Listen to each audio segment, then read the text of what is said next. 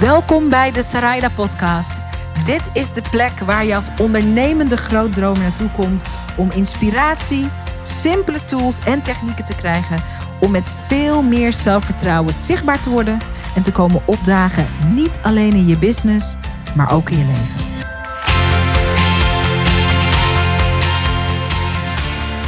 De kans is groot dat hij uh, in je leven is gekomen jaren geleden als uh, comedian of als tante S. Zo heb ik hem leren kennen.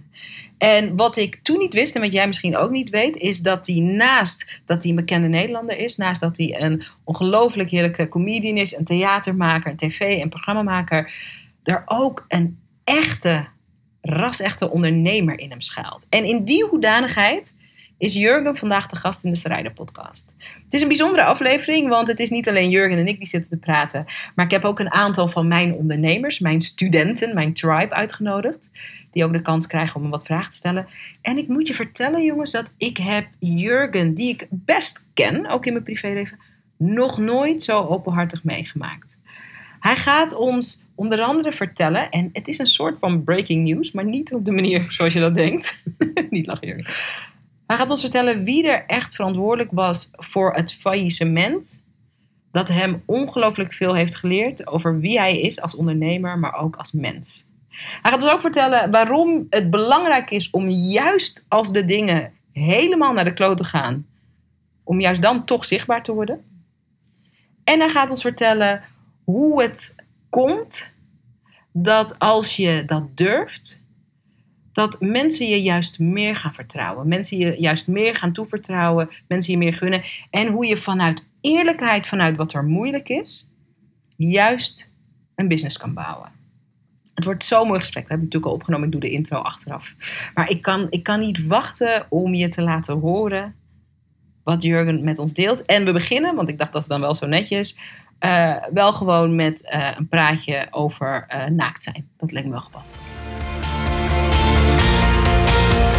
Jurgen, we hebben eigenlijk een soort primeur te pakken.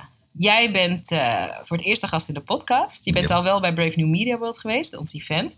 Ik neem voor het eerst een podcast op met live publiek. Okay. Met een aantal fantastische ondernemers die uh, bij mij de opleiding doen om zelf meer zichtbaar te worden in de media. En ik dacht, ik begin meteen met een vraag waar ik gewoon heel nieuwsgierig naar je antwoord ben. Jij bent iemand die heel comfortabel is met zichzelf. Je weet wat het is om zichtbaar te zijn. Uh, je hebt allerlei facetten van zichtbaarheid. Heb je ervaren als het heel goed gaat, als het niet goed gaat, door de wol geverfd.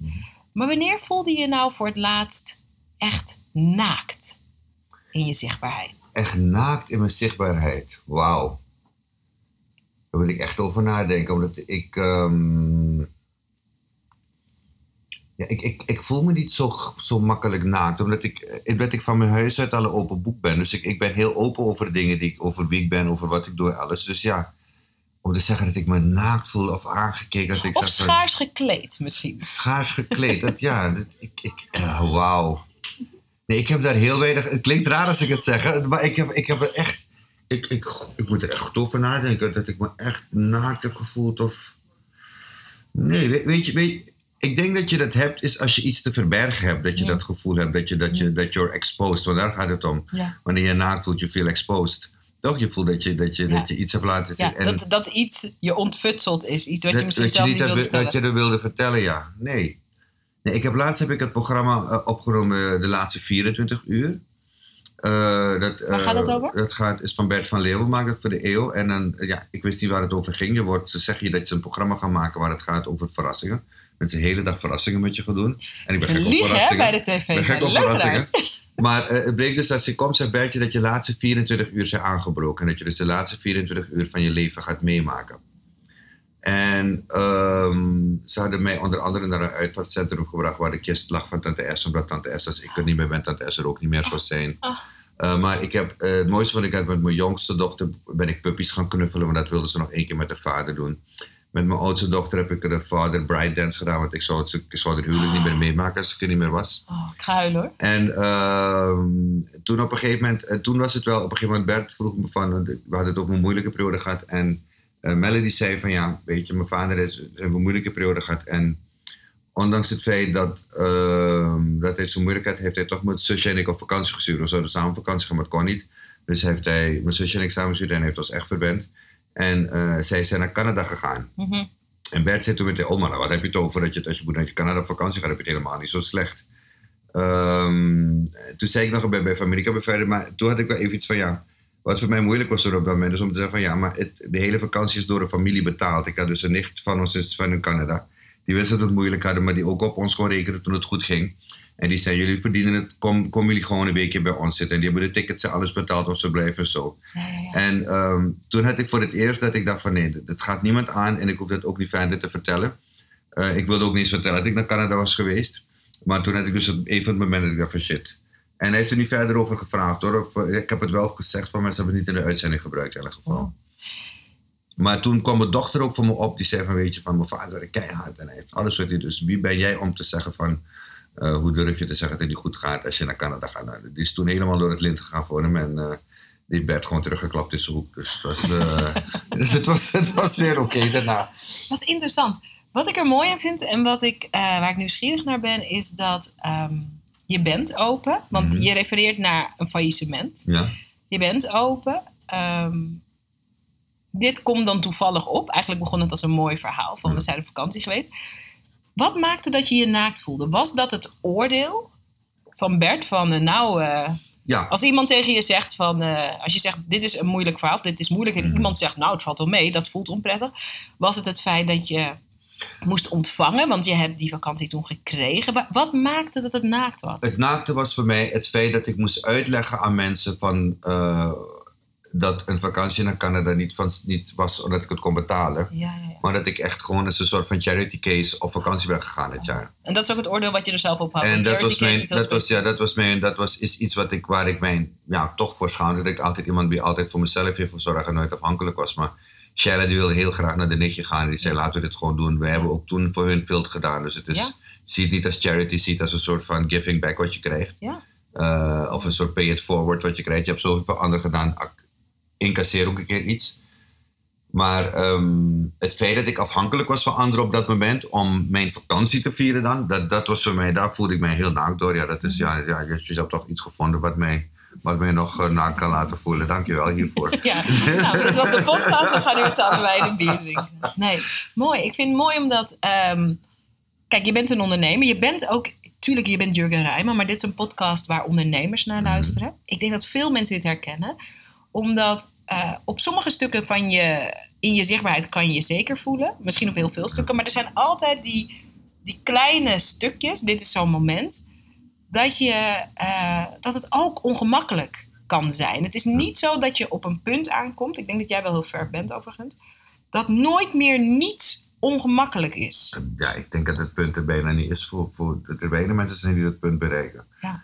Of dan moet je als een kluisenaar op een berg gaan zitten en dan kan je echt de rest van de wereld je niets meer schelen. Maar als mensen hebben, ik denk dat elk mens een bepaalde, uh, zeg maar, uh, behoefte aan waardering heeft. Of een bepaalde behoefte aan validatie van hetgeen wat we doen. Je ziet het ook in de Generation Z. De Generation Z die nu erop komt, hebben een hele andere reden waarom ze werken dan wij hadden. Zij willen iets doen wat, wat ertoe doet. Ze willen verschil waarde, maken. Ja, ze willen waarde, waarde toevoegen. Creëren, ja. Waarde creëren. En ik Ja. denk dat wij als mensen het allemaal hebben. Dat we, dat we toch ook een zekere waarde vertegenwoordigen. En uh, ja, dus om te zeggen van ik kom op het punt waarbij je niets meer, meer aanraakt. Nee, misschien niet menselijk gewoon. Ook. Dat is niet menselijk, denk ik. Het Nee. maakt niet uit wie je bent. Al, uh, ik bedoel, uh, zelfs Donald Trump, die eigenlijk op een onaantastbare positie zit, zou je kunnen zeggen. Hmm. Toch? Die de hele wereld aan zijn voeten heeft. Die kan doen wat hij wil. Gaat als een olifant door de porseleinenkast. Ja, en eindeloos hij weer. breekt alles wat hij wil. Ja. Weet je, die reageert op een Nederlandse twitteraar met 150 followers. Ja, ja, interesting. dat hij een fake foto heeft gestuurd. Ja. Vindt hij dan. Weet Ja. je? Dus heb ik zoiets van. Wat zegt dat eigenlijk, als je dit zo als voorbeeld pakt? Wat zegt dat over wie we zijn als mensen, ongeacht onze positie, ongeacht ons geld, ongeacht onze macht? Wat zegt dat over wie we zijn als mensen en wat zegt dat over misschien wel dat hele thema zichtbaarheid? Ehm, dat je met je zichtbaarheid ook rekening moet houden dat, eh, dat de zwakke punten van je worden blootgelegd. Hmm. Dat is onderdeel van je zichtbaarheid. Dat je, Mhm. je zichtbaarheid is niet al, dat je zichtbaarheid alleen maar goed is als het niet het perfecte plaatje is. En op het moment dat je het perfecte plaatje wil creëren in je zichtbaarheid, ga je ook lelijk op je neus kijken. Want dan gaan de mensen altijd proberen om er doorheen te prikken om die imperfectie te vinden. Ja, weet je waar ik aan moet denken als je dit vertelt? Jaren, jaren geleden werd uh, Lauren Hill, uh, hip-hop R&B Mhm. zangeres, werd geïnterviewd. Ehm, zij ehm, is bekend geworden met de Fugees, heel populair. Ze was een Ja. tijdje heel populair, daarna wat minder. En zij vertelde dat eh, toen ze heel populair was ehm, en heel beschermend was over haar privéleven, dat de roddelpers constant bezig was om dingen over haar privéleven eh, overal vandaan te vissen. Ze zei, de minute dat ik besloot, ik ga gewoon vertellen. Ja. Ze zegt, niemand meer geïnteresseerd? niemand meer geïnteresseerd. Nee. Super Daarom sta ik ook interessant. nooit in de bladen. Je staat mij, als ik in de bladen sta, in de story... In die roddelblaadjes In de roddelblaadjes. Zal ik er staan omdat ik mensen een interview heb gegeven en gewoon heb gezegd... ze, hebben- ze hoeven bij mij nooit te gaan, te, gaan, te gaan graven of te gaan kijken hoe zit het nou of zo. En, en dat maakt het dan ook niet interessant voor de roddelpers om dingen over je te verzinnen of dingen te gaan maken. Maar hoe interessant. Ik heb ook Ja. nooit in mijn tv-tijd in de roddelbladen gestaan. Ik heb dat altijd toegeschreven aan dat ik date niet met andere BN'ers. Dus dan is het zeg maar nul boeiend wat je doet met je leven. Ja. Ehm, maar het is wel leuk, ook vanuit eh, wie we zijn als ondernemers, om na te denken over het mechanisme dat hoe meer je het verborgen wil houden, Hoe meer mensen de drang hebben om hoe het te meer exposen. mensen de drang hebben. en als je zegt, "Bah, dit ben ik, dat iedereen zijn schouder ophoudt en zegt, oké. Prima. Ja, dus, maar dat, dat is ook, dat is, dat is, zeker als je praat over zichtbaar zijn als ondernemer. Ehm, je hebt bepaalde waarden die je hebt als ondernemer. Eh, weet je, om het anders van het persoonlijke weg te trekken.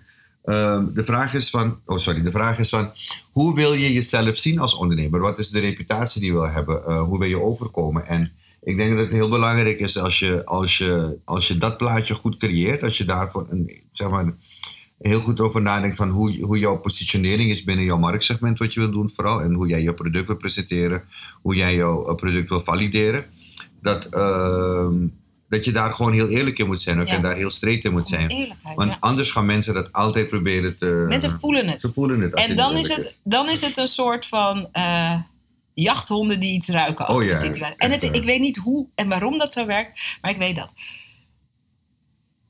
Jij bent iemand die al heel lang eh, heel bekend is. Ehm, ik zat laatst na te denken over bekendheid. Mhm.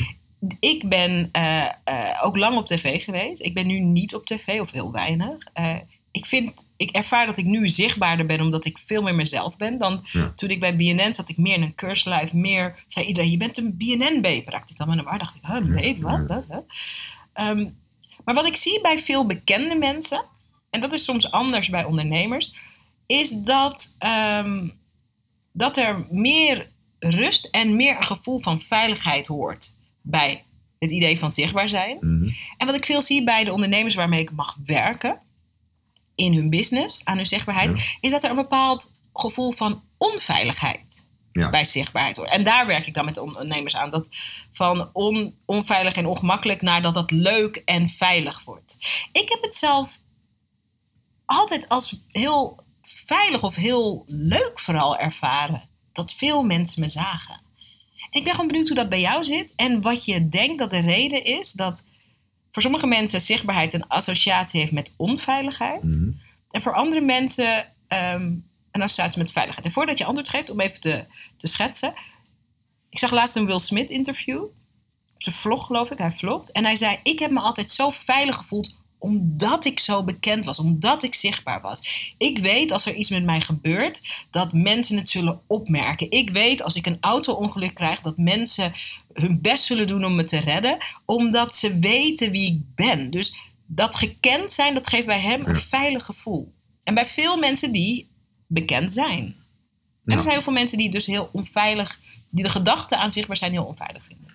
Eh, ik, ik, wat Will Smith zegt, kan ik me goed voorstellen. Maar dat heeft te maken met het feit van dat je als celebrity een bepaalde voorrangsbehandeling vaak krijgt in noodsituaties. Dat, dat mensen zeggen, oh god, die ken ik. eh, weet je, dat ik bedoel, ik werd vandaag ook teruggebeld eh, door het bejaardentehuis omdat ik Jurgen Rijman ben. Een andere had gewoon op de wachtlijst gestaan met zijn moeder. Ja, ja, ja. Om maar wat te noemen. Ehm, maar dat is juist die zichtbaarheid die ik, die ik nu zoiets heb van... Ik, het is voor mijn moeder vind ik het prima. Ben ik blij mee dat, ik het, dat het is gebeurd. Mhm. Maar voor mezelf heb ik niet meer zoiets van dat ik zeg van... Ik ben Jurgen Rijmer, dus ik voel me veilig omdat ik weet dat mensen me herkennen. En eh, dat, dat heb ik juist helemaal niet. Ik vind Heb je dat wel gehad?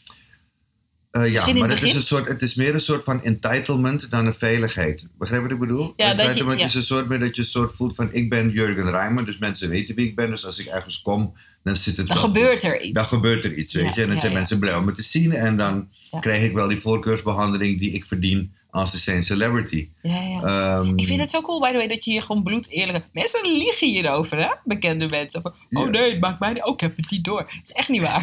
Is Ze echt liegen allemaal als dat Geloof me, het is, ik, ik- been there, I've done that. Ik weet het gewoon.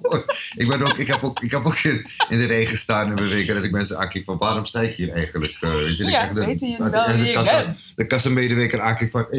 Nee, Weet iemand zei, oh meneer Rijmer, komt u even hier, dan helpen we hier wel, ja. Weet je, dat, dat, Met zo'n uitgestreken ik- gezicht Ja, nee, all niet have echt it, ja, maar ik ben zo gewoon gebleven hoor. Nee, dat is, Ja, nee, ja. nee, is echt niet waar. Ja, dat is het Maar- theater van de Het bekende theater van de bekende, bekende, Nederlander. Nederlander. Maar ik heb wel gemerkt dat eh, toen ik mijn populariteit wegviel, doordat ik niet meer op televisie kwam en minder, dat ik me als mens veel prettiger ging voelen in, de Ah. situ- in die situatie. How Gewoon dat je, ja, dat, dat, je- dat je, ehm, dat als je dan die waardering krijgt, dat het veel fijner is dan wanneer je het opzoekt.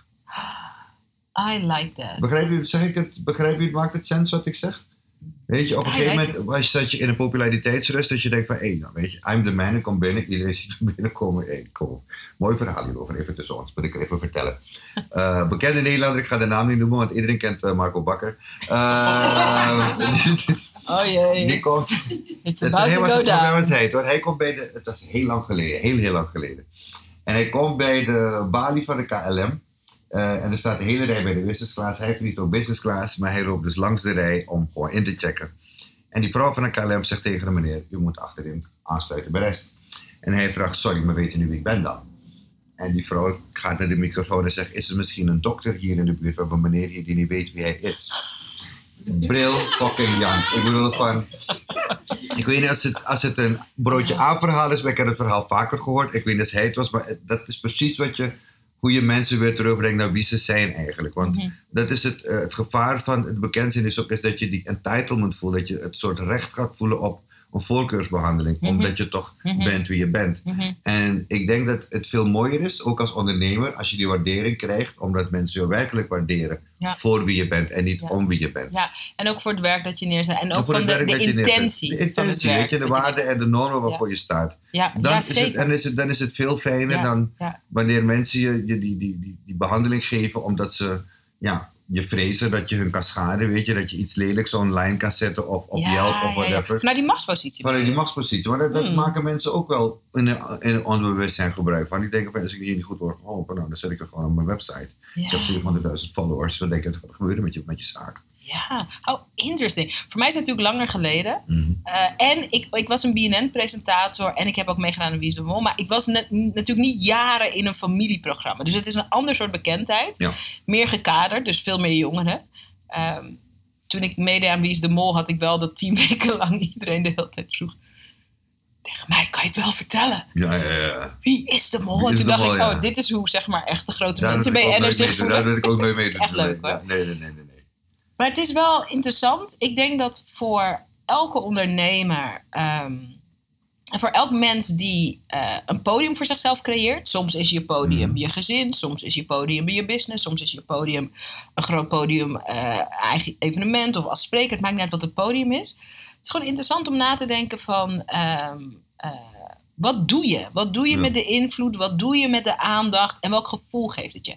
Kan je andersom ook, want je was net bloed eerlijk over dat een tijdje eh, dat echt speelt. En dat was ook mijn eigen ervaring. Ik weet toen ik net bekend werd en toen ik net herkend werd, weet je waar het bij mij in ging zitten?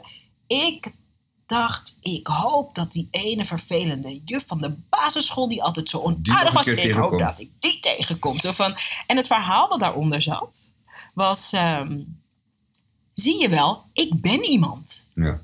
En het mooie van alle vormen van bekendheid is dat eh, ehm, het maakt je zeker, maar het maakt je ook onzeker. Want eh, als je dan nu iemand bent, betekende dat dat je dan daarvoor niemand was. De- Het, is een, het is een hele interessante mindfuck waar je, ja. waar je grip op moet krijgen, ook als ondernemer. Ehm, maar iemand die in de spotlight wil, die, die, die wil dat beleven.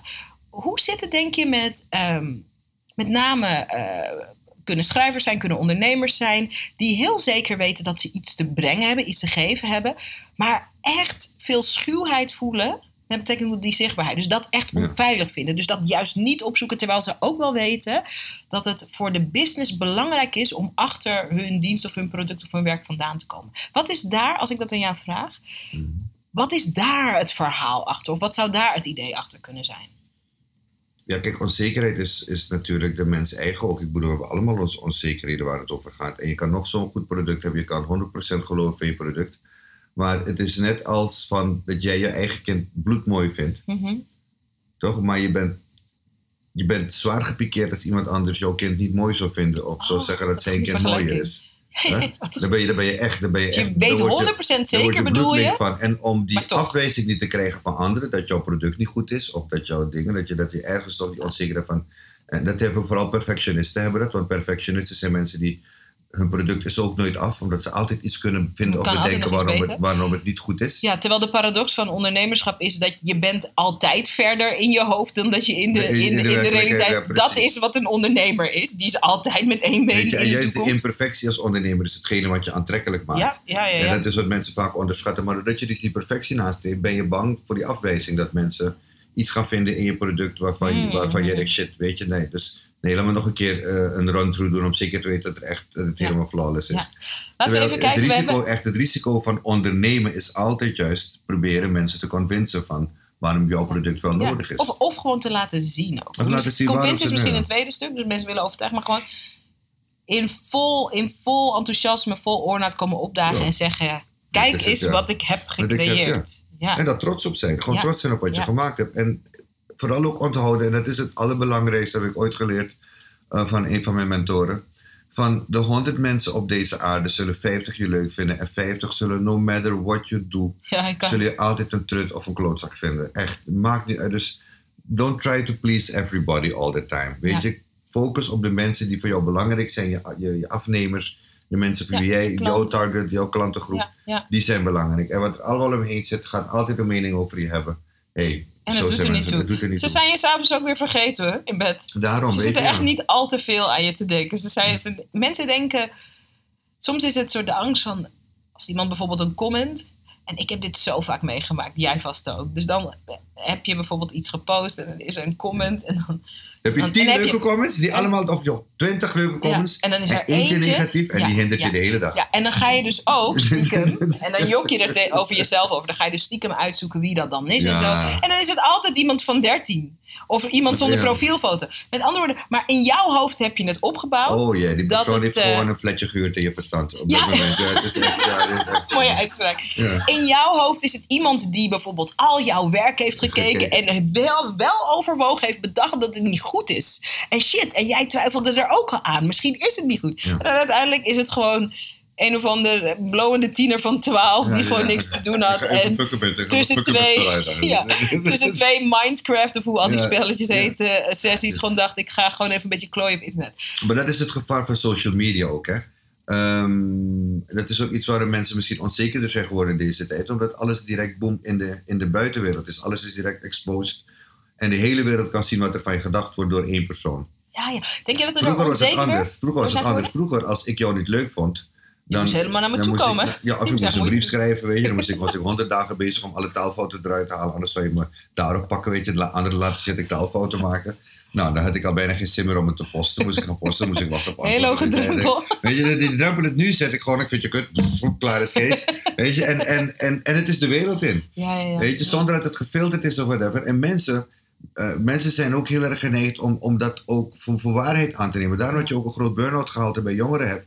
Omdat ze denken dat echt die wereld zo perfect is als ze dat op Facebook zien. Zoals ze dat Op op Instagram. Zien en alles. Ja. It's not perfect, weet je. En be happy with your imperfections. Dat is, eh, dat is het allerlei, het belangrijkste van alles. Is dat je ja, Het omarmt. het omarmt. Hey, als we kijken naar... ehm, dit is misschien een domme vraag, maar ik ga het toch stellen. Stel je domme vragen, Sarai. Dat Ehm, weet je ook. Is het makkelijker om zichtbaar heel succesvol te zijn? Of is het makkelijker om zichtbaar eh, minder succesvol te zijn? Of misschien zelfs eh, niet succesvol te zijn?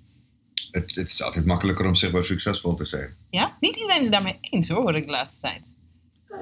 Maar jij zegt het is makkelijker om zichtbaar succesvol te zijn. Wat is er, wat is er, ehm, wat is er moeilijk aan eh, zichtbaar falen? Ehm, ik denk dat het, dat het te maken heeft met. ehm, ja, er is, ze hebben daar een speciaal een soort van. eh, hoe noemen ze dat weer? Het is een soort fobie van hoe de wereld naar je kijkt. Dus van hoe jouw beeldvorming is in de wereld. eh, Hoe Mhm. de wereld naar jou kijkt. Mhm. Ehm, Kunnen we zeggen reputatie of is dat reputatie, ja, reputatie. Hoe, ja, hoe mensen naar je kijken. Ik, om je voorbeeld te geven, toen ik on top of the world was, ik heb het van mij ook laatst verteld, reed ik in een Porsche, weet je, ik vond het geweldig. En als ik in mijn, als ik in mijn kwam aangereden, smart zwart, ik was de binnenste. Ik bedoel, weet je, in de, in de file, jongen, vrouwen. Dat is echt geweldig. Ik moet ook een andere auto en toen ging, het, toen ging het fout. Toen ging het fout. Dus ik moest toen, ja, nog steeds een goede Faillissement auto. bedoel maar- je? Ja, ja, ja. ik, ben, ik, ben bijna, ik ben niet officieel failliet gegaan. Ik Oké. ben bijna failliet gegaan. tegen het Maar ik zat heel ver er tegenaan, weet je. En het is zelfs zo dat ik nog steeds in een soort van eh schuldsaneringsding zit met de bank om bepaalde dingen af te ronden. Dus dat is, ik ben niet dat het ik helemaal... echt. Het speelt nog steeds. Ik heb alleen wat meer ademruimte, dat ik het gewoon... Ja, ik heb ze laten zien van dat ik bereid ben om stappen te maken. Dus weet je, daarom mag ik weer een Mercedes rijden, om niet maar wat te noemen. Eh, maar, ik, maar, toen ik, maar, toen ik, maar toen ik die dingen moest inleveren, die Porsche... Ja, ik, ik had het... eh, God, ik, ik had echt... Ik, dacht, ik, wat gaan mensen van me denken? Ik moet morgen mijn deur uitrijden, weet je. En dan zit ik in een Volvo. En dan moet ik in een Volvo en dan gaan de buren naar me kijken. En, weet je, En wat was het verhaal wat eronder zat?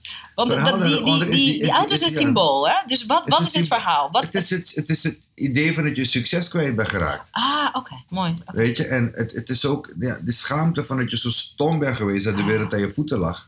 En dat je, en dat je het gewoon door je vingers hebt laten slippen. Dat je, dat, je, dat je miljoenen bezat en dat je het gewoon allemaal bent kwijtgeraakt. Ja, Het is een gevoel van schaamte gewoon. Want Ja.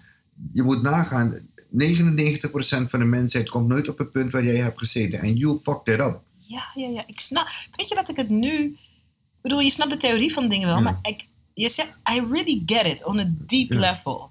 Het gaat niet eens over eh, de val, alleen maar het gaat om dat de val van zo'n hoog punt kwam. ook. Ja, precies. Ja, weet je, en, en dat is het ook. En omdat ik weet dat mensen het volste recht hebben om van mij te denken: wat ben jij toch een klootzak? Hebt de wereld aan je voeten en kijk hoe je het hebt laten gaan. En dan kan ik niemand eens zeggen: waar bemoei je je mee? Dat is mijn zaak. Nee. Omdat je het er stiekem mee eens bent. Omdat ik het ermee eens ben. Ja, ja. Weet je, en omdat je het weet, is, daar, daar komt die, die, die social anxiety, die sociale angst vandaan van hoe gaan mensen naar me kijken nu? Ja. Omdat je ook weet dat je klootzak bent geweest. En je weet dat je, dat je fucked up big time. ja.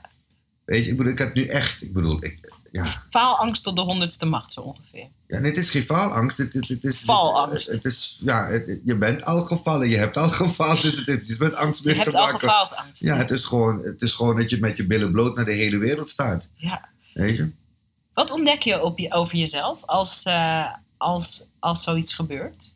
Want kijk, wat, waar, ik zit natuurlijk ook altijd te luisteren met één oor voor de ondernemers. En Mhm. ehm, waar een parallel in zit, ondanks dat eh, echt niet alle ondernemers ook BN'ers zijn. En, hm, de parallel zit dat ehm, aan het begin, als je je business opbouwt, eh, sommige mensen vinden het makkelijker om aan het begin zichtbaar te zijn. Want Ja. er is nog niks, het is het avontuur. Je Op moet een ook gegeven zichtbaar moment- zijn om je, ja, om je, je moet te ook. verkopen. Ja. Dus je bent in een soort, ehm, een soort eh, sexy puberteit van je zichtbaarheid. Je gaat Mhm. gewoon, je ziet het gewoon, je doet het gewoon. Op een gegeven moment als je op een bepaald level van succes komt, dat bedrijf wordt ook een, een moeilijker te besturen schip.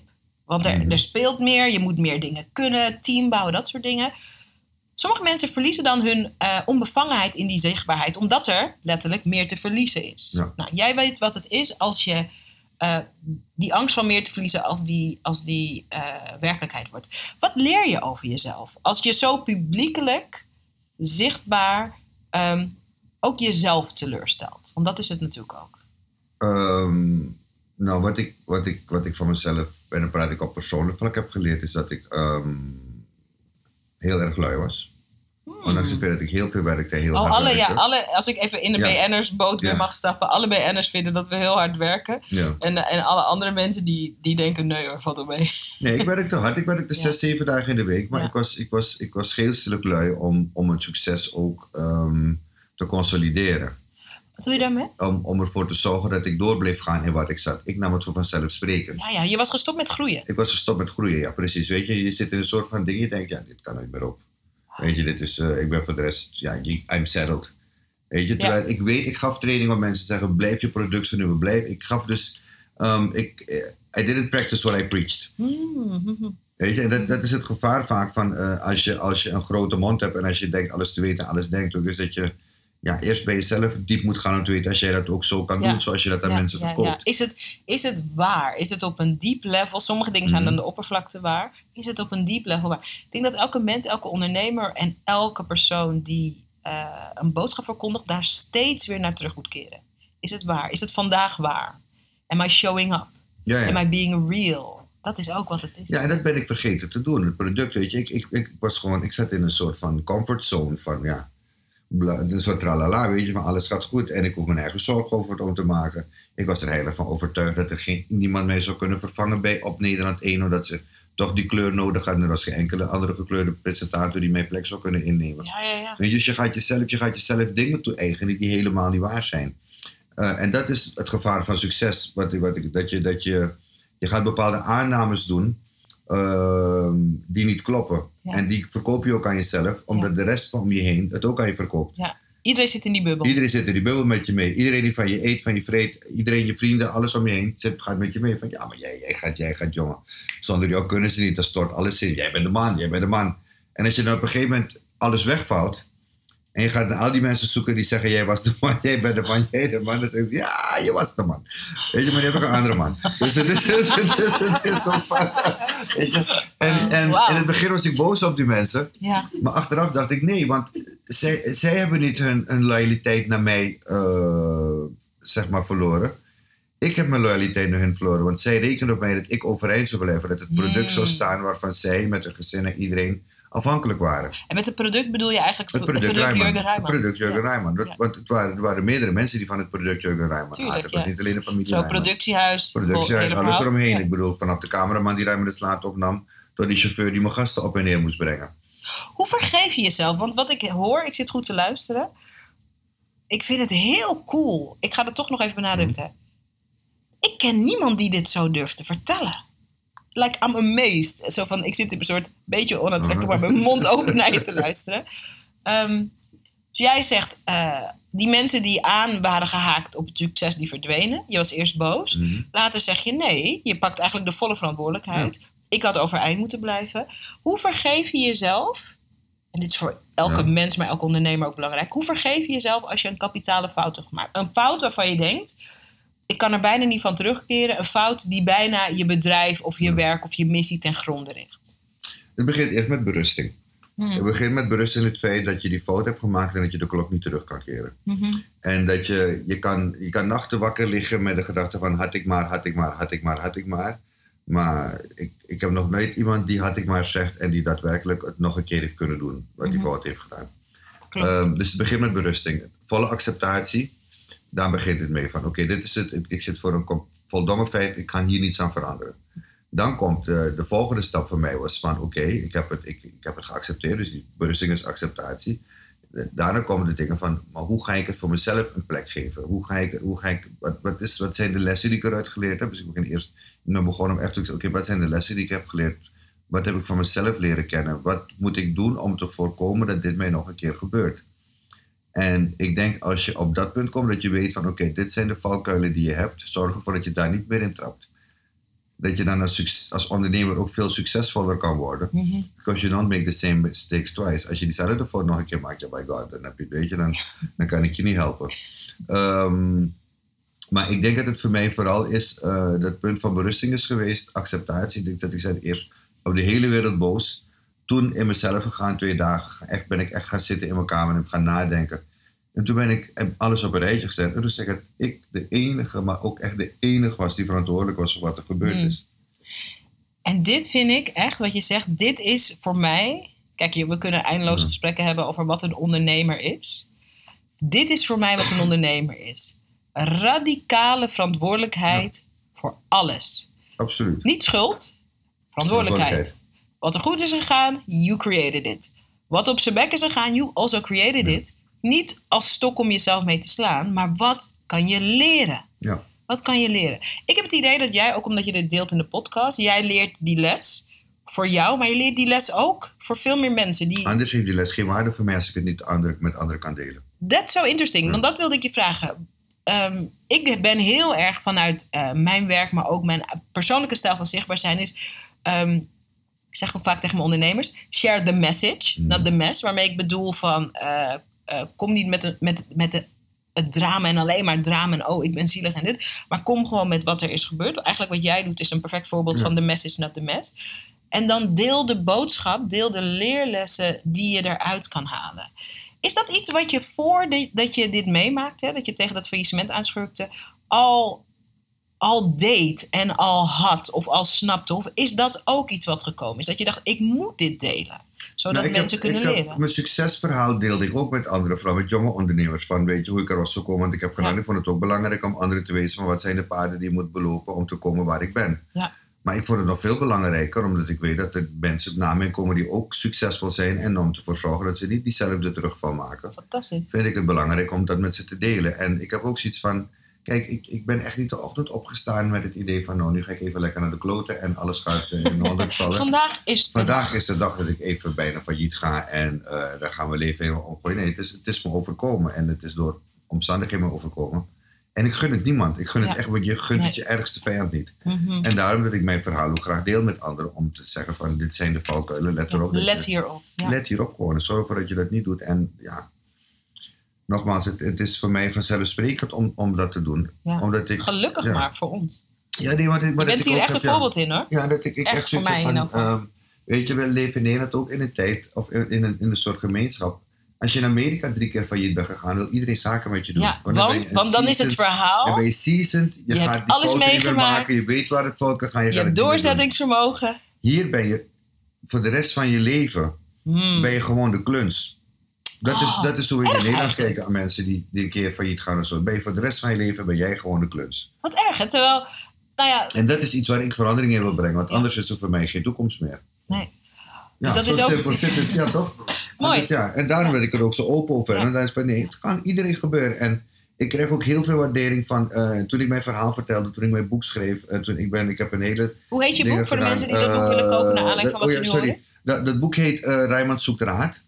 En eh, Mooi. ja, en het, het, ehm, ik, ik kreeg ook toen ik mijn verhaal vertelde, ik heb met de Kamer van Koophandel een keer iets gedaan, heel veel reacties van ehm, ondernemers die door hetzelfde waren gegaan, maar in, nog steeds in die schaamtefase zaten. Ja. En daar ook vast in bleven zitten. Waardoor ze niet verder kwamen. Nee, dan en dan kom je in een soort negatieve spiraal terecht. En dan, dan, is, dan, dan, dan bereik je, dan, dan ga je echt helemaal naar de bodem.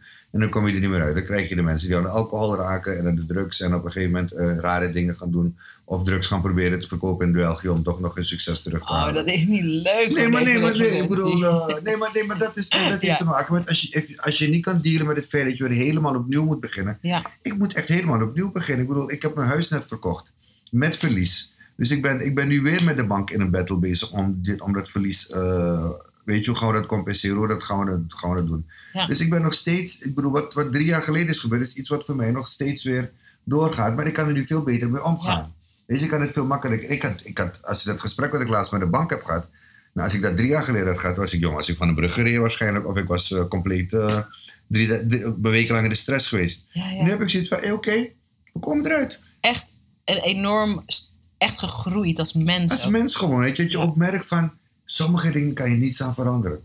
En dan moet je ook de berusting hebben dat je er niets aan kan veranderen. En in paniek raken is het laatste wat je moet doen. Ja. Want niemand heeft in paniek ooit een goede beslissing genomen. Nee, Er actually... zijn weinig mensen die in paniek de goede richting uitrennen. Echt waar, 99 mensen in paniek rennen de verkeerde kant uit. Dit Die rennen rechtstreeks naar de brandhaard. Ja, maar dit is wel goed, hè?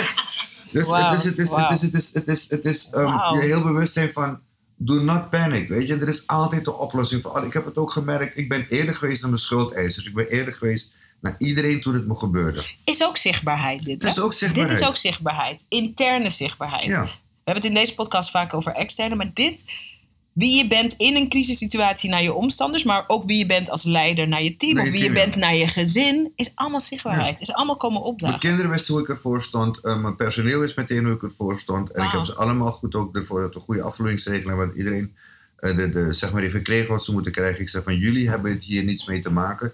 Uh, ik kon ook heel makkelijk mezelf failliet hebben verklaard doordat ik ze niet had hoeven te betalen. Ja, en dan ja, had ja. ik veel makkelijker mijn doorstart kunnen maken. Ja, Maar ik heb bijna 80.000 euro aan mijn personeel gegeven. En praat ik over vijf man personeel gegeven.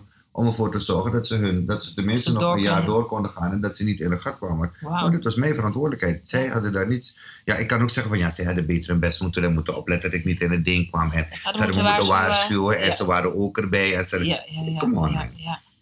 Oh my god, Jurgen, ik kreeg net een idee. En daarna gaan we naar wat vragen uit de groep. Maar ik, want dingen, je kan dingen uitspreken en dan wordt het werkelijk. Jurgen, ik vind, ik vind dat we, en daarmee, Mhm. ik vind dat we een show voor je moeten produceren voor Netflix. Ik, de mensen moeten dit weten. Natuurlijk is deze Mhm. podcast ook door iedereen in de hele Ja, wereld dat wel, beluisterbaar ja. in Nederland. Maar mensen moeten dit weten. Ja. Dit is zo Ja, maar dat kan waardevol. ik kijk, maar ik ben Of je nou ooit tegen een faillissement aan hebt gezeten of niet, daar gaat het niet om. Het gaat erom, ehm, wat doe je als het erop aankomt? Wat laat je zien? Ja. Wat vertel je? Welke verantwoordelijkheid pak je? Welke keuzes maak je? Naar wie wijs je? Ja. Zal ik wat moois vertellen? Doordat ik dit afgelopen jaar zo heb gedaan, ben ik, ik ben nu met een nieuw project bezig met mijn zakenpartner. We willen de werkplek van de toekomst willen gaan, willen gaan bouwen. Daar zijn we bezig. Ik heb het zijn er artikelen laatst van ons verschenen in eh, de, het Financieel Dagblad. We willen Nederland anders naar werk laten kijken. Mooi. Ehm, door, door wie ik ben en door hoe ik ben, ehm, heb ik inmiddels samen met Mark Rutte gezeten. Ik heb met Kim Putters van het Sociaal Cultureel Planbureau gezeten. Ik heb met Mariette Hamer van de SER gezeten. Ehm, eh, met Hans de Boer van eh, MKB. Eh, ik bedoel, ik kan iedereen die ik bel en zeg van ik moet met je praten, doet voor mij de deur open. en het Waarom? heeft te maken met dit verhaal. Het heeft te maken met dit verhaal. Want allemaal zeggen me ook, je bent zo eerlijk geweest, je bent Ja. zo open geweest voor wat is gebeurd. En dit, had niemand, dit gunt niemand je. Kom met me praten Vertrouwen. vertrouwen. En we vliegen nu echt. Dus ik zeg het je ook, over drie, vier jaar, jongens, ben ik klaar met werken. Omdat je de werkplek ik van de toekomst ben ik, dan ben ik, dan ben ik, dan ben ik gewoon, dan ben ik weer op het level waar ik voorheen was, maar veel slimmer. Oh my god. Financiële alles. Oké, in de tussentijd gaan we eerst even een Netflix-serie maken, goed? We gaan dat doen, weet je. Ik vind het goed om dit verhaal te maar ik zeg je ook van, als je eerlijk en open bent, mensen zijn daar gevoelig voor. Ja. Weet je, en ik kan nu echt stappen maken. Jongen. Ik ben met zoveel mooie projecten bezig. Ik ben met mijn eigen ijscreammerk bezig. Uh, ik ben bezig met S, toch? Van, ja, Tante Tante S onder andere. Oh weet je, ik, ben, ik ben met zoveel dingen bezig. En ik merk dat de dingen goed gaan omdat mensen het me gunnen. Ja. Om wie ik ben en om wat ik heb gezegd. En dat, daar gaat het om. En die gunfactor kan je alleen creëren door eerlijk te zijn. ja. Oh my god, fantastisch. Dat, dat is echt... eh, Ik wil gewoon aan je wang likken van dankbaarheid. Het is raar, hè? ik ga het niet dat doen, doet hoor. Sammy ook elke dag. Eh, Sammy is mijn labrador. Oké. Dit gaan we er hopelijk niet uitknippen. Oké. Ja. Ehm, er is tijd voor één of twee vragen. Omdat jullie geen microfoon hebben, eh, stel je vraag hardop. Ik herhaal hem en dan eh, kan Jurgen een antwoord geven. Ik heb er tijd voor één of twee. Dus als je in je hart voelt, dit is een vraag die ik echt wil stellen, go ahead. Wat jullie moeten afronden? Eh, oh, je bent nu net begonnen. Ja, ik kan chillen hoor. Ik heb gewoon tijd. Oké, maar sommige mensen ja, moeten ja. ook naar huis door. Als je moet naar huis is daarom, ja is goed. Laten we gewoon laten we kijken hoe ver we komen. Ja. Prima, let's do it. Ja, Eh, wat, heb, wat heb je echt gedaan om je energie weer op te trekken? Mooi. Ik stel de vraag. Wordt van uh, uit achter in de zaal gevraagd. Wat heb je in dit hele proces gedaan? En misschien doe je het nog wel. Mhm. Om je energie ook weer op te krikken. Want als ondernemer, ik denk als ik het even een beetje mag framen. Um, we zijn zo afhankelijk van onze energie. Of je nou een presentator bent of een ondernemer. Je hebt een online dienst of een product. Of je bent een coach, whatever. Dat nare omstandigheden maken natuurlijk ook dat je met minder energie of minder plezier Mhm. uit je bed komt. En dat heeft dan ook weer een effect op hoe je de Ja. keuzes maakt die je maakt. Wat heb jij gedaan uh, om je energie te managen en te bewaken? Ik noem dat, wat, wat, wat, wat zij net noemde, dat met je knoop in je maag opstaan gevoel. Weet je, dat, je, dat heb ik dagen gehad, maanden gehad. Um, toen ben ik me gaan concentreren op de dingen die wel goed gingen in mijn leven. Mm. En de dingen waar ik gelukkig van werd. En dat is voor mij heel simpel. Dat is mijn gezin, dat is mijn vrouw en dat is mijn hond. Dat zijn de dingen waar ik echt oprecht gelukkig van word. En um, toen ik zag dat het goed ging met mijn kinderen, dat mijn kinderen het goed deden op school, dat het goed ging, en dat zij me niet hadden kwalijk genomen om hetgeen wat, ik, wat fout was gegaan. Dat ze het accepteerden dat ze met minder moesten doen. Dat ze accepteerden dat ze uit hun dure appartementen op de Zuidas en tegenover de Rijn moesten verhuizen om samen te gaan wonen. Uh, in een appartementje samen in Almere. Mm-hmm. Toen kreeg ik mijn energie. Mm. Want toen dacht ik, de mensen voor wie ik het doe, dat zijn de mensen die ook werkelijk aan mij, aan mij terug willen geven. En die ook bereid zijn om met mij samen opnieuw te bouwen. En basically is het, hoe slecht het ook gaat met je, er zijn altijd één of twee dingen die goed gaan in je leven. En als je op die dingen durft te concentreren, het kunnen hele kleine dingen zijn, worden die dingen heel groot. En die dingen worden steeds groter en die dingen gaan steeds meer aansluiting vinden op andere dingen die ook goed gaan. En I daar ga je energie, en daar ga je energie eruit, ga je energie uithalen. Focus aan de dingen die goed gaan. Dat geeft energie. Eh, want ja, je weet zelf, de dingen die fout gaan, die zuipen alleen maar energie. Dus eigenlijk is het heel logisch dat je op de leuke dingen moet focussen en dat je daar weer je energie moet halen. En bij mij is het echt gewoon met mijn hond op de bank een uur lang zitten spelen en gewoon gek doen. Daar kan ik immens veel energie van krijgen. Of gewoon een avondje gaan eten met mijn vrouw of met, met mijn kinderen iets leuks gaan doen. Wat niet geld hoeft te kosten, maar gewoon in de auto zitten, ergens naartoe gaan lopen op het strand. Dat zijn de dingen waar je energie van krijgt. Mooi. Dat, dat is het, dat, ik kan het, mooier kan ik. Het is- Dat is het meest eenvoudige om het te doen. En waar ik nu energie van krijg is om te zien van dat, dat kleine waar ik me toen op heb gefocust, dat het steeds meer is gaan groeien, is gaan groeien, is gaan groeien. En nu zijn er zoveel dingen die goed gaan in mijn leven. En die geven me allemaal ook weer energie. Weet je, ik krijg er energie van als dat wat ik net zei, dat ik bijvoorbeeld eh, met een podcastserie bezig gaan, moet gaan nu voor eh, BNR, om te gaan praten over met mensen, met stakeholders over de werkplek van de toekomst. En dat ik dan bel naar een, eh, noem maar op, naar eh, de CEO van de NS. Weet je, dat ik Roger van Bokstel bel. Ik zeg, Roger, ik moet met je praten over. En Roger zegt, Jurgen, wanneer en waar? Weet je dat ik denk, als ik je bij mag vallen, ehm, weet je dat ik denk, dat ik echt denk, want eh, de, misvatting soms en, eh, is dat als je eh, op de tv bent, dat iedereen van allerlei aan zaken en zo met je wil doen. En dat is echt niet zo. Dat is echt niet zo. Weet je dat ik denk dat, dat je voordat je dit meemaakte, als je zeg maar als high and dry Jurgen Rijman, Ja. die mensen had gebeld. Weet je dat ik denk dat de kans veel kleiner was dat mensen zo enthousiast zouden reageren? Dat de mensen ook nee, Nee. zouden zeggen? Nee, heel wat van die mensen, als ik, als ik die, zeg maar, die arrogante klootzak was, die ik was als tv-ster, had ik niet bereikt wat ik nu ben. Nee, nee, Nee, absoluut niet. nee. Interesting, mooi. Je wordt nu dus meer gezien als mens. En Ja. daardoor zijn mensen toegankelijker naar je. Of proberen ze contact met je te leggen. Oké, wacht. Ik ga voor het geval. Je weet nooit Mhm. hoe dat gaat met de audio. Maar eh, eigenlijk, eh Evelien zegt het is half een vraag, half een statement. Eh, ik maak er denk ik een vraag van. Word je meer gezien als mens? Of zijn mensen nu meer in touch met jou als mens? En ehm, wat, wat, is er, wat is er veranderd in de manier waarop mensen op je reageren? Nou, ik denk omdat ik zo eerlijk ben geweest, dat je ook sowieso zoveel sympathie bij mensen krijgt. En dat mensen ook empathischer zijn naar wat je zo voorkomen. En zoiets hebben van, die gunfactor wordt verhoogd. En dat heeft te zien met, eh, ja, jou meer als mens zien misschien. Ja. Maar ik denk dat het ook te maken heeft met het feit dat, dat mensen zeggen, oké, what you see is what you get. Weet je, deze guy heeft geen, ik heb geen verborgen agenda waar, waar, waar- waarom ik iets vraag. Ik ben ook eerlijk als ik, als ik Roger zeg van Roger, luister, ik ben bezig met de zaak. Ehm, ik kan je niet betalen, dan gaat je niets opleveren. Maar geloof me, als dit goed gaat, gaat het mij echt helpen om weer twee stappen te maken. Ja. Als je daar eerlijk in bent, zijn mensen ook bereid om je daarmee te helpen. Dus je wordt, ja, ik denk dat het, ja, sowieso, je wordt meer als mens gezien waarschijnlijk, Ja. dan als alleen die BN'er. En die BN'er is vaak ook eh, een idee. Hè? Ik, ik, zie, het- ik zie het bijvoorbeeld met, eh, als je wel eens in de arena bent geweest, eh, dan word ik uitgenodigd door Sigo of zo. En dan kom je zo'n lounge terecht en dan komt na de wedstrijd komt er een voetballer. Dan staat er een jongetje van 22 en er zitten mannen van 50, 60 zitten als kwijlende tieners eromheen te hangen om op de foto te gaan. Weet je, dan denk ik van, what the fuck. Weet je, je, als een broertje van Siek op zijn scootertje langs rijdt, ga je echt doen. eh, eh. Weet je, dat is Siek. Dus dat, weet je, dat, dat zie je ook van dat, je, dat men niet verliefd is op de mens, maar op de skills die die persoon Ja, heeft. op wat diegene. Op wat diegene kan, wat op op, wat diegene wat zijn waarde vertegenwoordigt. vertegenwoordigt. Ja. Dat is waar mensen naar kijken. Eh, de, echte, de echte mensen zie je na hun carrière. Dan komen de echte mensen naar buiten. Hmm, interesting. En dan zie je ook wie de persoon is achter een voetballer. En eh, ja, dan zijn vaak heel fijnere mensen dan wat je op het veld ziet. Interesting. Ik wil eigenlijk 16 uur doorpraten. Ja, We gaan, eh, ja mag nog hoor. ja, we gaan, ja, we gaan nog naar deze vraag. ja. Ik ben dus ook benieuwd, ben je hierdoor, datgene wat je hebt meegemaakt, ook heel anders naar mensen gaan kijken? Naar de oneerlijkheid van anderen? Prachtig. Ben je anders gaan kijken naar mensen? Hele mooie vraag. Doordat je dit mee hebt gemaakt. We hebben het gehad over dat mensen anders naar jou keken. Eh, je hebt wat dingen meegemaakt. Ook mensen die dachten, oh Jurgen Rijman, daar trekken we nu ons handen van af. Ben jij anders gaan kijken naar mensen? Oh jee. Ja, absoluut. Lekkere oh ja, absoluut. vertel. Ja, absoluut. Ehm laat me zo zeggen, ik ben steeds meer van mijn mond gehouden. Ehm, omdat ehm, het, is, het is niet altijd leuk wat je ziet van mensen.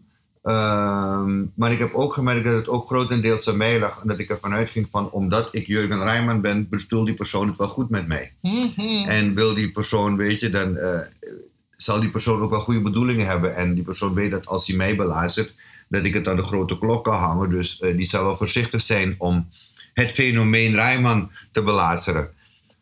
Geloof me schat, 99% van de mensen die met je in zee gaan, die hebben een dubbele agenda. En, die, weet je, en eh, het is niet erg als je het maar weet. Ja, als je er maar bewust van bent. Als je er bewust van bent. Ja. Weet je? En daar, dat is nu heel anders. Ik, ik, ik doe nu zaken met mensen waarvan ik weet wie ze zijn. Het zijn mensen die me voor, hiervoor zelfs ook al een, zeg maar, eh, niet hebben genaaid, maar die me hiervoor al eh, verkeerd of onjuist hebben behandeld. Maar nu weet ik wie je bent.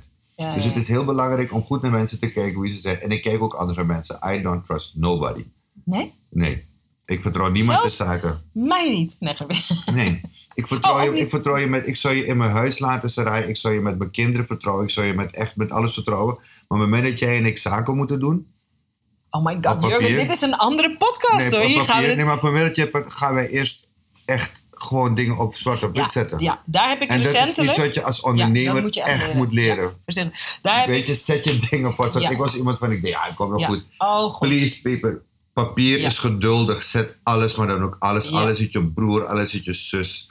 Zet dingen op papier. Hier heb ik, dat is ook een keer voor een andere podcast, recentelijk eh, een stevige leerles in gehad. En als je het zo omschrijft, I agree. Ja, ik snap je. Ik snap je. Niet dat het erom gaat dat I agree allemaal niet, maar ik snap nee, wat je bedoelt.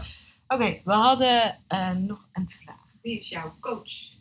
Oh, wie is jouw coach? Word je gecoacht? Hoe Ik sta word, je ja, het heel ik, word, coach? ik word door verschillende mensen gecoacht. Ehm, ik heb Benito Doelwijk, mijn zakenpartner, die, die ook met me bepaalde dingen coacht. Ik heb eh, Jeroen Burger, die coacht me op financieel gebied. Die is mijn financiële coach. Echt zo'n nuchtere Noord-Hollander. Die vindt dat ik met alles maar moet bezuinigen. Ik word sponsor van hem. Maar ik, ik ben wel blij met wel? hem, maar hij helpt me wel op te komen waar ik nu ben. Ron Abdul Haviskan heb ik, succesvolle ondernemer, eh, ja, met wie ik heel veel klankbord. En ehm, ja, verder, ik, mijn vrouw, het klinkt misschien raar, maar, maar Sheila is mijn belangrijkste partner. Ik bedoel, met haar weet ik echt welke stap ik maak. Als Sheila zegt go for it, dan weet ik dat het cool is. Hmm. En zij zegt don't go for it. Zij heeft echt de mensenkennis die ik niet heb. Thuis zeg ik altijd. Eh, zij is de waakhond, ik ben de straathond. Ik neem alles mee naar huis. En zij houdt, zij houdt de deur dicht. Weet je, dus als zij zegt don't do it, dan weet ik van dan doe ik het ook niet. Dat is, eh, ja, dat is voor mij een heel belangrijk klankwoord. Fantastisch, fantastisch. Maar je coach kan je echt overal in vinden. Het is een, het, het- wat ik heb geleerd is om ook van, van iedereen om me heen. Ik kan soms met een neefje of een nichtje praten. En die geven me bepaalde inzichten in hoe hij of zij naar hele eenvoudige dingen kijkt. En dat, dat kan je ook als coaching zien. Kinderen zijn onbevangen. Praat veel met kinderen. Geloof me, kinderen zijn onbevangen in hoe ze dingen zien. Hebben geen last van allerlei referentiekaders die ze hebben opgebouwd door de jaren heen. Ze zijn heel puur. En ehm, ik heb met Prinses Laurentien een tijdje hebben we de Raad voor Kinderen gedaan. Waar we dus kinderen naar grote corporates gingen om raad van bestuur en eh, dingen, zo te adviseren over probleem, eh, problemen in het probleem, probleemstukken.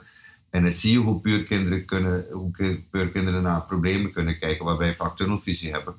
Dus ik laat me vaak ook coaches onbewust door gewoon met mijn neefjes en mijn nichtjes te praten over bepaalde dingen, vragen hoe zij er naar kijken. I love that. Ja. Jurgen, we zouden nog 16 uur doorpraten. We gaan het echt... Je moet zeker een keer terugkomen. ik ga zeker terugkomen, Seth. Ik, dit is zo waardevol geweest. Ik eh, wil je ongelooflijk bedanken.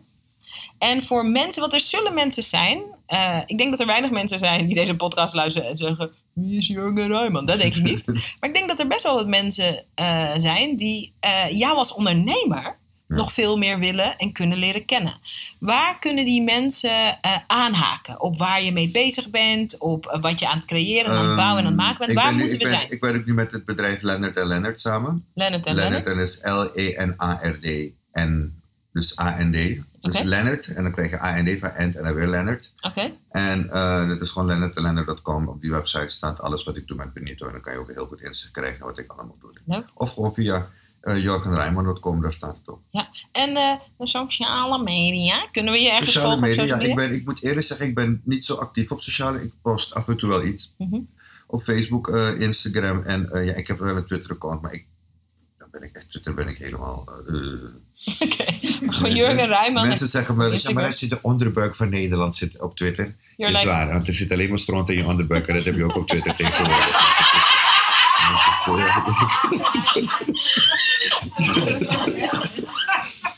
That's one way to look at it, Ja. for sure. Oké, leuk. Jurgen Rijman op eh, Instagram. Je af en toe post je wat. En we Ja. kunnen gewoon checken op je website. En Facebook ook, ja. Dus Ja. het is, eh, weet je, Ja. en, het, en, en ik zeg je eerlijk van, ik vind social media, weet ik dat het belangrijk is, maar ik, zit in een andere, ik zit in een andere flow. Ik ken een leuk iemand die je kan helpen verliefd te worden op de mogelijkheden van social Ja? media. Ik steek mijn hand op.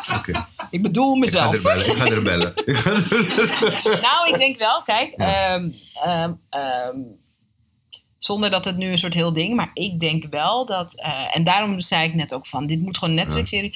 Ik denk wel dat het magistraal zou zijn als je bijvoorbeeld zou vloggen. Net zoals je hebt een aantal grote, grote namen in Amerika, hè, Will Smith, Jennifer Lopez, en wat zij kunnen laten zien in de wereld. Iedereen kan vloggen. Ik vind ook dat iedereen moet vloggen, maar je hebt wel een heel tof, uniek iets te, zien, te laten zien. Dus Ja, I'll take about it. Ik ga het zeker doen. Ik, ik, ik wil het wel, weet je, maar ik ben ook iemand van, als ik iets doe, heb ik gemerkt, dan moet ik dedicated zijn. Ik wil niet met iemand zijn die met iets begint en het dan halverwege in de lucht laat hangen en het niet afmaakt. Ja, laten we heel even, dit zijn mijn peoples die in de zaal zitten. Wat is mijn advies aan Jurgen als ik dit zo deel? Begin begin gewoon. Zie, ik me ook door Sarai coachen. Is goed. Jurgen, ik wil je onwijs bedanken. Eh, fantastische eh, My Peoples, mijn ondernemers, mijn business BN'ers, zo noem ik ze. Ja. Ze maken van hun business een BN'er. Super fijn dat jullie eh, in deze geïmproviseerde studio erbij wilden zitten. Jij, dank voor het luisteren. Dit is echt zo'n aflevering die je nog eens opnieuw luistert over een paar weken. Er zit zoveel wijsheid in. Doe er je voordeel mee. Volg Jurgen op Instagram. Ik heb eh, vanuit betrouwbare bron vernomen dat hij daar gaat vloggen. Ja, ik ga proberen. Ik ga, ik, we hebben 7 maart heb ik de première van Hello Dolly. Hebben we de première van Hello Dolly. Van je, van je, van je Van mijn musical. musical debuut. Ik, ik doe de première niet, dat speelt Paul de Leeuw. Want Paul en ik spelen die rol eh, om en om. Eh, ik leuk. begin vanaf 11 maart te spelen, maar daarna heb ik wat meer rust. Want nu ben ik echt elke dag bezig met de Ja. en zo. Ik vind het Ik echt leuk dat ik, daarna, dat, ik daarna, dat ik daarna mijn eerste vlog ga proberen Ja, te maken. ja. Dan stuur ik het voor jou eerst om het goed te keuren. Vind ik... Oké, het bestaat nu echt. Ja. hè? Volg mij dan ook op uh, Sarayda Groenert eh, op Instagram. Want ik ga natuurlijk dat ook meteen posten. ik met jouw goedkeuren. Ik weet. Oké. We praten soms. Jurgen, dank. Dank Dat voor is het... mij meer eh, dan genoeg geschat, echt. Het is echt fijn. Het is echt fijn om zo van jou te mogen leren. Ik weet zeker dat je voor heel veel ondernemers eh, echt de kans hebt gegeven om anders te kijken. En wat ik meteen wil vragen is, kijk, het doel van deze podcast is dat we ehm, ondernemers of ondernemende grootdromers of waar je ook zit in je, in je proces, dat we je de tools geven en ook de inzichten om meer te komen opdagen in je business, in je leven. Dat je meer van jezelf laat zien, omdat het gewoon nodig is, zodat we je kunnen gaan vertrouwen en dat we voor je kunnen kiezen. We maken deze podcast met veel liefde. Waar je ons mee zou kunnen helpen is laat een bloedeerlijke review achter op iTunes. Als je dacht, dit is echt kloten, nou, dan eh, schrijf je dat. Vind ik niet zo leuk, maar als je gewoon meer met je gevoel... Als je denkt, zal dit is ik, echt als ik het echt kloten vind, zal ik zeggen, nou, dit vind ik echt gedurfd. als je dit post, dan weet je dat het kloten is. Ja. Dus dat, want ik ga het nooit, ik ga je nooit, maar dan weet je dat ik dat zeg. Ja, ja, ja, gedurfd. Oké, gedurfd. Gedurfd is voor mij synoniem van hoe durf, dat, durf hoe durf je dit te laten zien. Ja, precies. Maar laat een review achter, eh, omdat hoe meer reviews we hebben op iTunes, hoe makkelijker we vindbaar zijn op iTunes. We willen, ik wil dat veel meer mensen dan die in de eerste instantie deze podcast vinden, nog Jurgens verhaal horen. Dus als je iets zou willen eh, geven, eh, geef dan twee minuten van je tijd. Wees bloed eerlijk en laat een review achter op iTunes. En kom chillen met ons op Instagram. Jurgen Sorry. Rijman, Groenhart. Do Leuker, makkelijker kunnen we, leuker kunnen we, het Makkelijker kunnen we het niet maken, maar wel heel veel leuker. maar wel heel veel leuker. Ja. Dankjewel voor het luisteren. Tof dat je weer naar een aflevering van de Sarayda podcast geluisterd hebt. En ik ben benieuwd wat je beleefd hebt. De intentie van deze podcast is om je in te smeren, te bombarderen met good stuff, met goede inzichten, met goede verhalen, met goede inspiratie, zodat je in actie komt. En ik wil weten hoe je het beleefd hebt. Kom het me vertellen op Instagram. Ik heet gewoon Zaraida Groenart op Instagram. En ik ben daar elke dag om met je te praten, om met je te connecten en om van je te horen waar ik je mee kan helpen. Dus kom connecten op Instagram. Zaraida Groenart heet ik daar. En laat me weten wat je van de podcast vindt. En als je dan toch bezig bent, wil ik je ook meteen even een kleine favor vragen. Want om deze podcast bij miljoenen ondernemers bekend te laten worden, zodat we heel veel mensen kunnen inspireren en helpen. want dat is natuurlijk mijn bescheiden intentie van deze podcast, heb ik je nodig. Je zou me ontzettend helpen door een bloedeerlijke review op iTunes achter te laten over wat je van deze podcast vindt en of je er iets aan inspiratie uithaalt. Hoe meer reviews we hebben, goed of slechte reviews, maakt me ook bijna niet uit eerlijk gezegd, hoe meer mensen de podcast kunnen vinden. En ik ben nieuwsgierig naar wat we voor jou kunnen betekenen met de podcast. Dus als je een minuutje over hebt, zou ik het heel tof vinden als je je bloedeerlijke mening over deze podcast achterlaat op iTunes. Ik bedank je, ik bedank je, ik bedank je. En ik spreek je hopelijk snel op Instagram of ik hoor je bij een volgende podcast. Dankjewel.